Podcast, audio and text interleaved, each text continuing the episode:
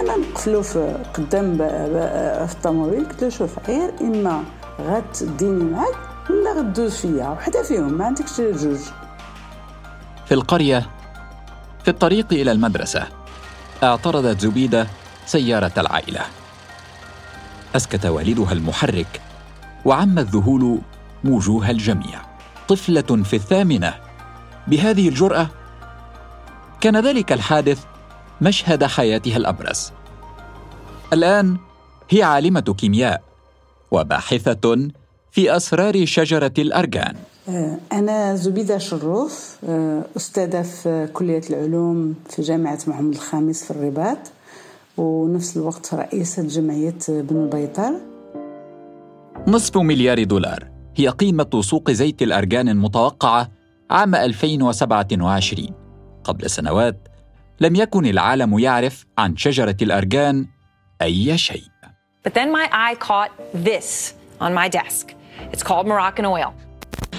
Правительство Марокко выступило в защиту мелких هنا في نيويورك يكاد لا يخلو أي متجر أو صيدلية من زيت أرجان d'argan. C'est un trésor marocain. الآن لا يكاد يتوقف الطلب العالمي على منتجاتها فما قصة هذا التحول؟ في هذه الحلقة حكاية السيدة التي تقف وراء نجاح الأرجان قصة زبيدة شروف المغربية التي فككت لغز الأرجان للعالم. وفي الحلقة أيضا سؤال. في ظل الطلب المتزايد على منتجاته من يحمي غابات الأرجان من الاستنزاف؟ هذا بودكاست فصول. بالإعداد عبد العالي الزهار وأنا أحمد خير الدين. مع نروي فصول الحكاية.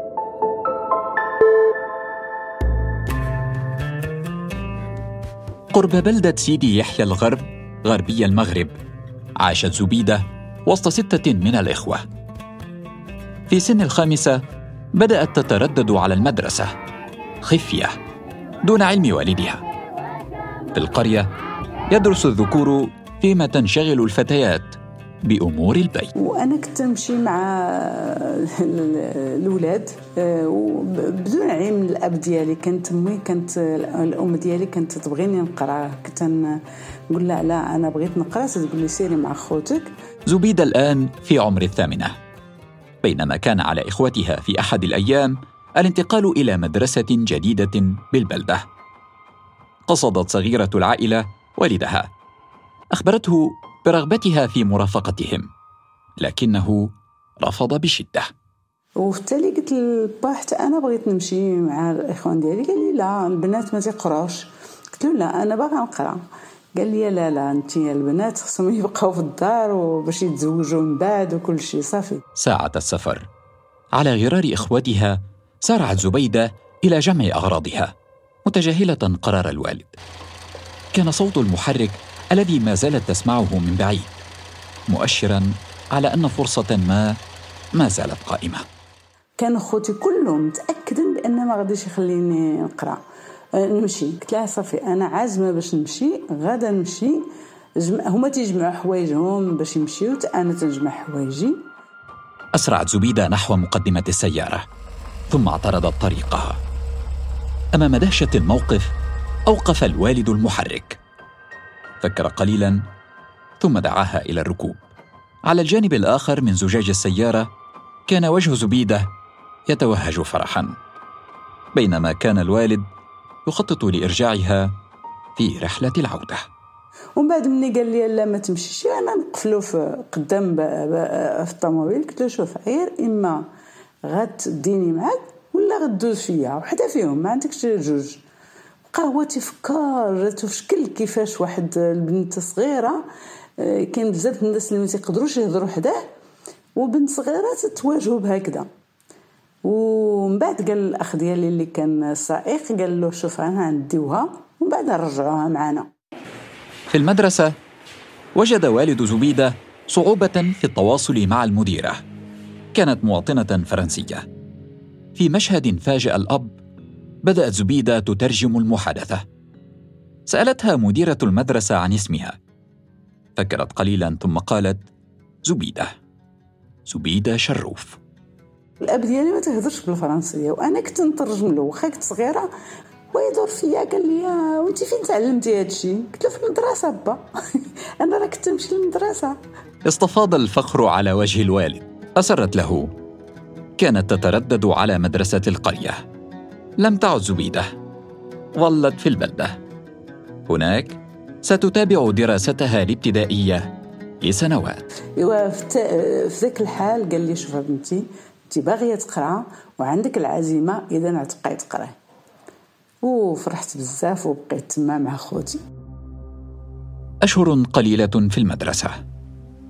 خبر مؤلم كان ينتظر زبيدة. والدها مات في حادث سير. رحل رجل العائلة وتحملت الأم مسؤولية تعليم الأبناء.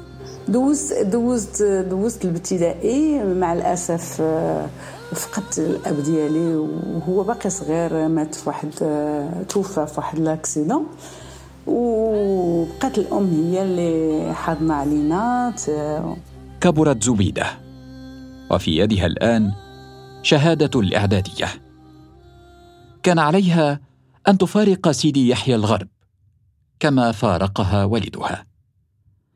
العاصمة الرباط كانت وجهتها لاستكمال تعليمها الثانوي وملاذها كذلك من محاولات تزويجها. قبلت الشهادة الابتدائية ديالي. كنت تنشوف بأن ما عرفتش علاش الأسرة ديالي الأسرة خصوصا من جهة الأب ديالي كانوا كلهم باغيين يتحكموا فيا باغيين يزوجوني وأنا صغيرة. فتنقول لهم أنا هادشي ماشي سوقكم هادشي هذا هادي حياتي أنا نقرأ. كانوا تيقولوا لي لا خصها تحبس القراية. مرت ثلاث سنوات. شهادة الثانوية في جيبها الآن. طموح زبيدة كبير. لكن في مغرب السبعينيات الطريق لم تكن سهلة. المجتمع يريدها زوجة شابة وهي اختارت الدراسة في الخارج. في مصنع مواد كيماوية عملت زبيده عاما كاملا. صار في جيبها شهادة ومبلغ من المال يشتري تذكرة إلى فرنسا. الأم ديالي هذيك الساعة جاتها صعيبة باش نمشي لفرنسا بوحدي وكان المشكل ديال آه، المادة. ما عندناش مادة باش أنا يمكن لي نمشي للخارج. إذا شنو درت من بعد البكالوريا؟ خدمت واحد العام وجمعت شوية الفلوس باش نشري الورقة تاع الطيارة ونبدأ الحياة ديالي في فرنسا. سبتمبر عام 1972 مسار زبيد الجامعي يبدأ في فرنسا. على مدار سنوات تفوقت على زملائها الفرنسيين. كنت ننجح كل عام نون سولمون كنت ننجح كل عام كنت أنا الأولى كاع في القسم ديال ما بين الفرنساويين والمغاربة. كنت نجي أنا الأولى أنا اللي تخرجت الأولى كنت زعما مجتهدة. في مدينة ليل تخرجت زبيدة مهندسة في الكيمياء. ومن بعد مني شفت راسي آه الحمد لله جات النتيجة مزيانة وداك الشيء قلت باغا نمشي ندير مدرسة عليا. إذا دوزت ديك الامتحانات لي كونكور. ونجحت في في ليل وبقيت في ليل. حتى خديت الدبلوم ديال المهندسه في الكيمياء وتحرك الشوق إلى الوطن. في كلية الطب بالدار البيضاء اختارت مسار الدكتوراه في الكيمياء العضوية. في الدار البيضاء. كان كان خصني لابد من نتبع ديك التخصص ديال ديك الأستاذ. وهذاك التخصص ديال الأستاذ كانت لا شيميا أورغانيك. الكيمياء العضوية ما يمكنليش نبدل لأن كان عي واحد تما صافي. بعد خمس سنوات من البحث كان عام واحد يفصل زبيدة عن مناقشة أطروحتها للدكتوراه. لكنها فضلت بدء مسار جديد. في عام 1985 في الرباط. بدأت زبيدة رحلة بحث في الأرجان. وتقيت باش ندير باش ندير أطروحة في أطروحة الدولة في, في, في النباتات الطبية. واختاريت أرجان تما فاش اختاريت أرجان؟ في 1985 كان البحث في موضوع الأرجان اختيارا صعبا. وأنا دابا مني بدلت راه بقيت ست سنين باش عاد لأن ذاك الموضوع اللي اختاريت تاع تاع النباتات الطبية صعيب شويش حنا ما عندناش المواد ما عندناش إمكانيات باش باش نقوموا بذاك العمل. في محاضراتها التي كانت تلقيها في الرباط بدت معلومات الحاضرين قليلة عن هذه الشجرة. كانت زبيدة أمام تحد جديد التعريف بالارجان زعما بكل صراحة راه كنت في الرباط والناس ما تعرفوش شنو هو ارجان حيت كنت نمشي ندير بعض المحاضرات غير هنا في المغرب وتقريبا نص تاع نصف الناس الحاضرين ما كانوش تعرفوا ارجان كنت دائما تنبدأ بالتعريف تاع ارجان وتنهضر على الدور اللي تيلعب الدور اجتماعي واقتصادي وبيئي وشنا هي المشاكل اللي تنعيشوها حاليا. وتنقول لهم هذه ممكن نوصلوا للحل إلا درنا التثمين تاع المواد ديالو للأرجان مكاسب عديدة لكن إقناع المسؤولين بذلك كان صعبا. في محاولة لكسب ثقتهم كانت رحلات زبيدة نحو مختبرات أوروبا لا تتوقف. وفي الحقيقة في الأول كان الناس ما كانوش تيثقوا بيا بي y compris الناس اللي في الناس اللي في الوزارات يقول لك ما يمكنش. ما يمكنش التثمين تاع هاد الشجرة غادي غادي يوصلنا لواحد لواحد الحل ديال المحافظة عليها. قلت له أنا ما هادشي راه ما جبتوش من راسي. راه اولا كاين واحد التجربات في العالم جعلت الناس تحافظوا على هذيك الشجرة. في مناطق الأرجان كانت وجوه النساء تذكر زبيدة بنساء قريتها. لم تنس معاناتهن وكفاحهن. ففي القرى تعمل المرأة لساعات طويلة بلا مقابل. إنشاء تعاونيات نسائية كانت فكرة زبيدة التالية. كيف تحول مجهودا فرديا إلى نشاط اقتصادي يضمن لنساء القرية عائدا ماليا من الارجان كانوا تيديروا هذيك الساعة كانوا تيخدموا غير زيت ارجان أه تدير مسكينة واحد أه عشرين ساعة باش تستخلص غير يترو واحد تاع زيت ارجان ومن بعد تعطي داك الزيت اللي نجات تعطيه لولدها ولا لراجلها اللي يديه للسوق وهي تقريبا ما عمرها ما تتشوف الثمن ديال عرق جبينها. وشحال كان هذيك الساعة؟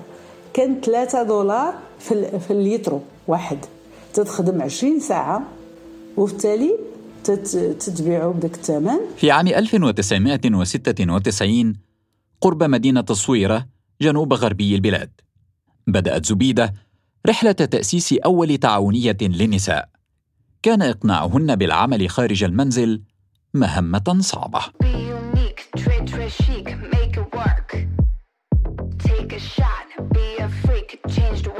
كانت حاجة جديدة بزاف. كانت جديدة بزاف لأن أولا النساء ما عمرهم ما خرجوا من ديورهم باش يخدموا. ثانيا آه، آه، غادي يبدلوا حتى الصفة كيفاش كانوا تيديروا التقليدية. غادي تولي بمواكن. وخصوصا هي السيدة باش تخرج من دارها وتخدم. هذيك كانت صعيبة بزاف. بحيث كنت تنمشي وتندير معاهم بزاف تاع الجلسات ونهضروا ونتكلموا هذا ومني جينا للموقع زعما المعقول.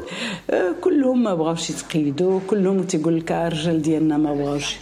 كان سكان القرى يسمون زبيدة السيدة القادمة من الرباط.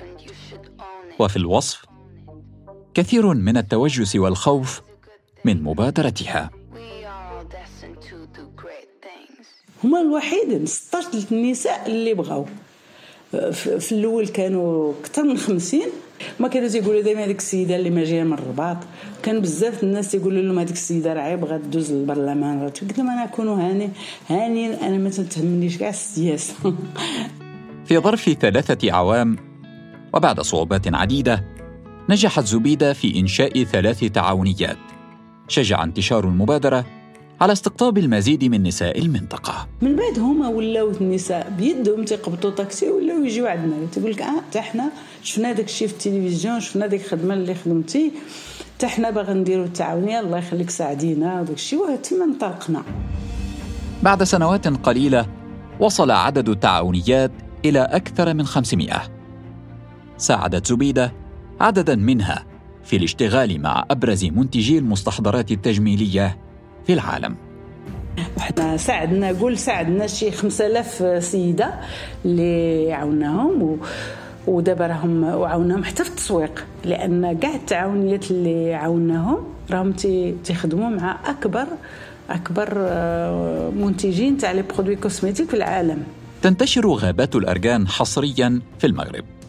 في الشريط الأطلسي جنوب غربي البلاد تحديدا. في عام 2014 أدرجت شجرتها ضمن قائمة اليونسكو للتراث الثقافي اللامادي للإنسانية. لكن الطلب المتزايد على الأرجان بات يطرح أسئلة عن سلامة الغابات من الاستنزاف. الخبير في مجال الأرجان أحمد أدبير يقول إن إنتاج الأرجان انخفض خلال السنوات الأخيرة. هناك تهديدات والمخاوف آه، من استنزاف آه، شجرة الأرجان آه، كما نعرف أن منطقة جنوب ومجال الأرجان يعرف توالي سنوات الجفاف.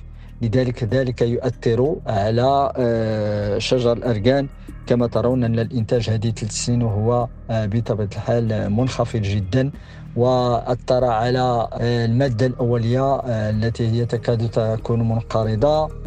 سنويا ينتج المغرب أربعة آلاف طن من الأرجان بينما تقدر حاجة السوق العالمي إلى عشرين ألفا كل عام.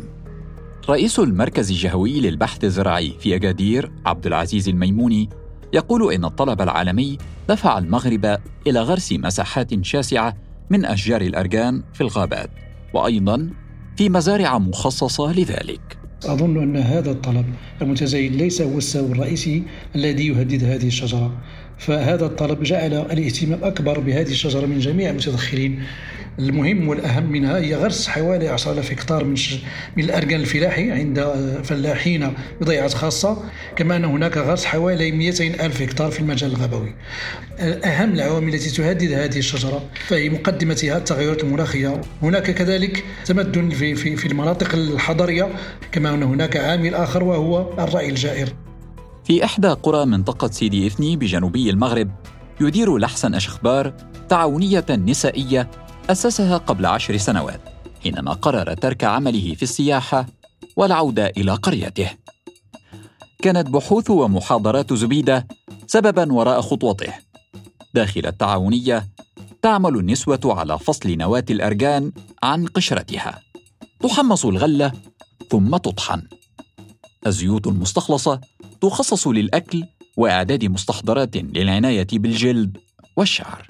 ولكن شكون اللي أثر فيا أنا وهو يعني بعض البحوث اللي كنت طالعت عليها عليها واحد الجمعية سميتها جمعية بنو البيطر. هاد جمعية بنو البيطر كانت كترأسها واحد الدكتورة واحد الدكتورة سميتها زبيده شرف. يعني بحثات في هذا المجال ديال الاركان مزيان هو اللي هي اللي عطاته واحد القيمة عالمية.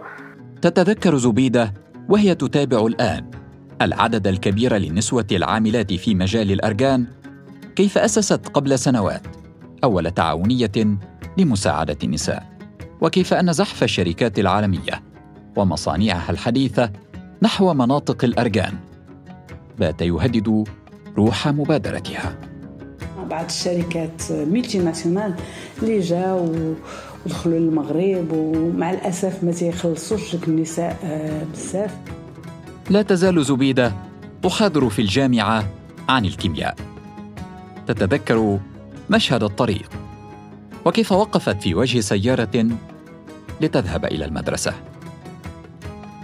زبيدة كشفت للعالم سر الارجان أما أنتم فافتحوا طرق المستقبل أمام أطفالكم. فالمستقبل مليء بالفرص والأسرار. بودكاست فصول. نروي معا. فصول الحكاية. اشترك في الحرة بودكاست على أبل بودكاست وجوجل بودكاست. وتابعنا على سبوتيفاي يوتيوب وساوند كلاود.